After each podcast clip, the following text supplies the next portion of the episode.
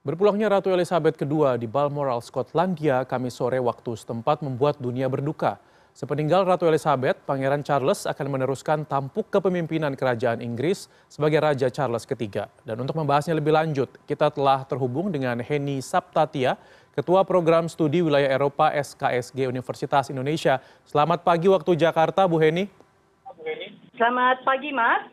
Ya, Bu Heni, ini apa saja perubahan besar yang akan terjadi pada Inggris dengan kepergian Ratu Elizabeth II ini? Oke, uh, terima kasih. Uh, pagi ini sudah diundang untuk uh, apa namanya memberi komentar pada apa yang uh, terjadi ya. Ini menurut saya wafatnya dalam usia 96 itu bonus yang luar biasa dan uh, beliau telah mendedikasikan hidupnya pada kerajaan Inggris selama tujuh tahun dan tentu saja dunia kehilangan tokoh panutan yang sangat dihormati ya. Uh, tapi kalau kita bicara tentang apa yang akan terjadi pada uh, Inggris setelah wafatnya Ratu Elizabeth kedua, tentu saja yang pertama-tama adalah kita sudah tahu bahwa Istana Buckingham itu mengeluarkan uh, statement ya um, dan uh, statementnya itu uh, tertulis statement from His Majesty the King. Artinya sebenarnya secara otomatis pangeran pangeran Charles itu sudah menjadi the King Charles the Third ya. Dan apa sih kenapa gitu uh, bagaimana nanti setelah ini ketika kalau pangeran Charles apa memimpin apa memimpin kerajaan Inggris ya.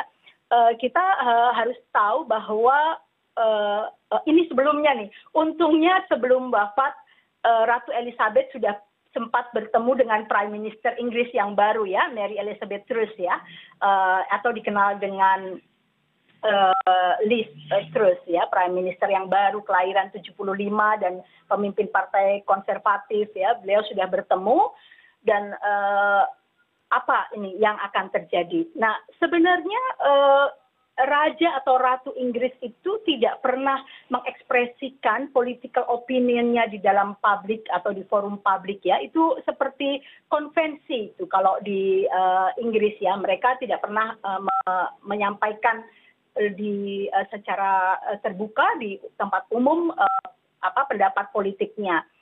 Dan hanya pernah satu kali itu menjadi uh, sesuatu yang sangat apa yang sangat mengejutkan ya disebut sebagai Queen Elizabeth breaks silence on Brexit. Jadi Brexit itu bagaimanapun juga mem, me, apa namanya um, um, atau Elizabeth memberikan perhatian yang besar sekali kepada Brexit ya. Jadi sejak 2016 beliau tidak membicarakan apa-apa, tidak berpendapat apa-apa, tapi 2018 beliau uh, memberikan sedikit sekali pendapat politiknya tapi itu penting bahwa uh, Brexit itu rupanya memecah belah Inggris juga gitu.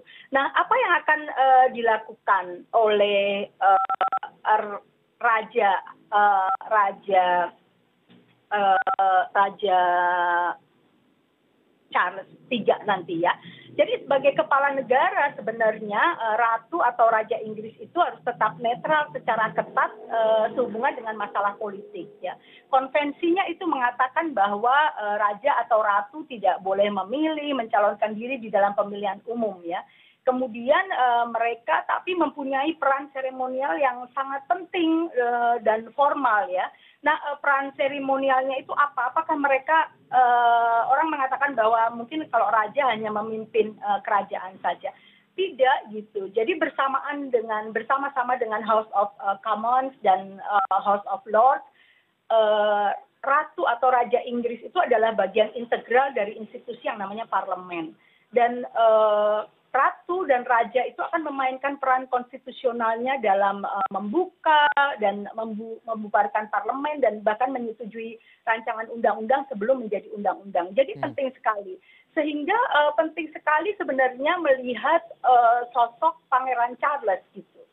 Uh, kita tahu bahwa Pangeran Charles menjadi raja dalam usia yang sangat matang ya, uh, dan uh, sudah uh, berpengalaman ya dan itu saya kira akan membuat uh, membuat uh, Inggris di bawah Pangeran Charles itu saya kira uh, akan sama baiknya dengan Inggris uh, ketika ratunya Elizabeth ya.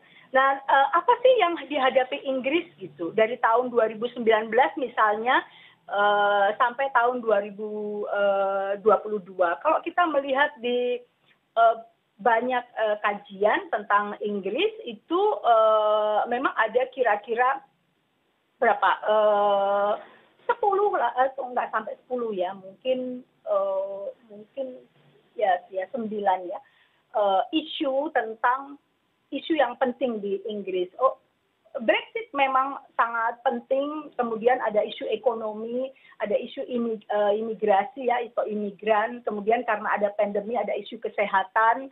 Kemudian ada isu lingkungan hidup di dalamnya itu termasuk tentu saja tentang energi dan sebagainya ya. Kita tahu seluruh dunia sekarang menghadapi krisis energi.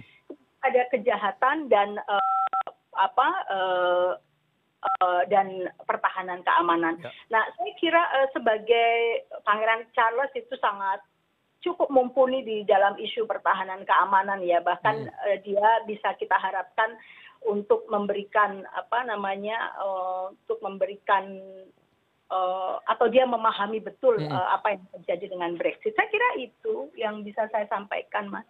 Ya, Bu Hani tadi sudah sempat disinggung sebenarnya ya bagaimana nantinya Pangeran Charles ketiga ini akan memimpin Inggris ke depan. Tapi mungkin yang jadi pertanyaan juga bagaimana kemudian nanti nasib Inggris sebagai negara monarki gitu ya dengan kepemimpinan yang baru yaitu Raja Charles ketiga. Bagaimana pandangan Anda? Saya kira Inggris beruntung karena Ratu Elizabeth meninggalkan legacy yang sangat baik ya sangat banyak dan kita tahu bahwa dia dicintai oleh rakyatnya.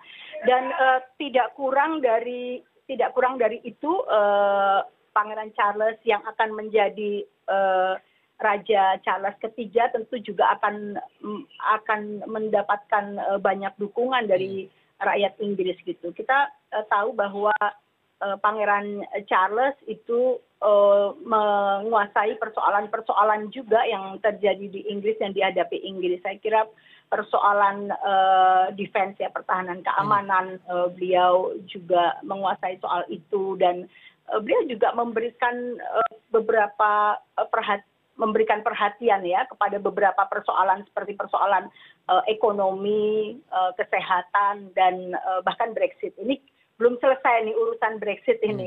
Kita akan lihat gitu bagaimana nanti pang, uh, pangeran.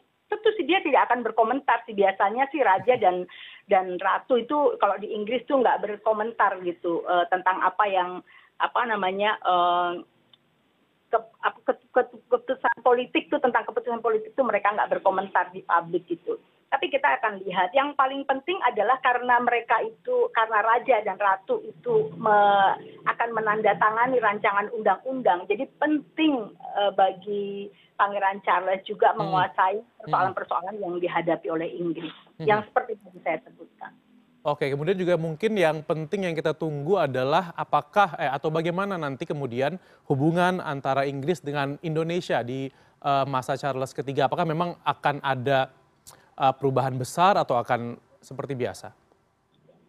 Saya kira Pangeran Charles pernah ke Indonesia ya, pernah ke Indonesia dan uh, Indonesia memberikan apa namanya memberikan uh, penghormatan yang baik gitu kepada Pangeran Charles dan hmm. saya kira pemerintah Indonesia akan pemerintah Indonesia akan melanjutkan hubungan baik Indonesia dan Inggris uh, uh, siapa pun gitu raja dan ratunya gitu uh, dan kita saya kira kita mempunyai hubungan apa namanya hubungan kerjasama yang baik ya hmm. sebagai negara uh, dan dan uh, secara diplomatik Inggris itu juga mempunyai banyak sekali apa namanya program ya misalnya kita tahu bahwa ada diplomasi diplomasi kebudayaan yang dilakukan Inggris terhadap Indonesia ya kita tahu chevening award dan sebagainya banyak juga apa program-program yang terkait dengan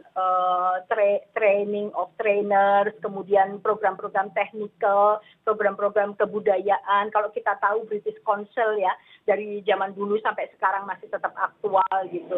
Saya kira uh, semoga saja uh, dengan Prime Minister yang baru mm -hmm. uh, Ibu Truss dan dengan raja yang baru hubungan Indonesia dan Inggris akan uh, mencapai apa namanya hubungan yang uh, mungkin lebih baik hmm. dari sebelum-sebelumnya. Iya, pastinya itu yang kita harapkan ya. Baik, terima kasih Bu Heni Saptatia, Ketua Prodi Wilayah Eropa SKSG UI. Terima kasih atas waktunya untuk CNN Indonesia. Selamat beraktivitas kembali. Selamat, selamat pagi, terima kasih.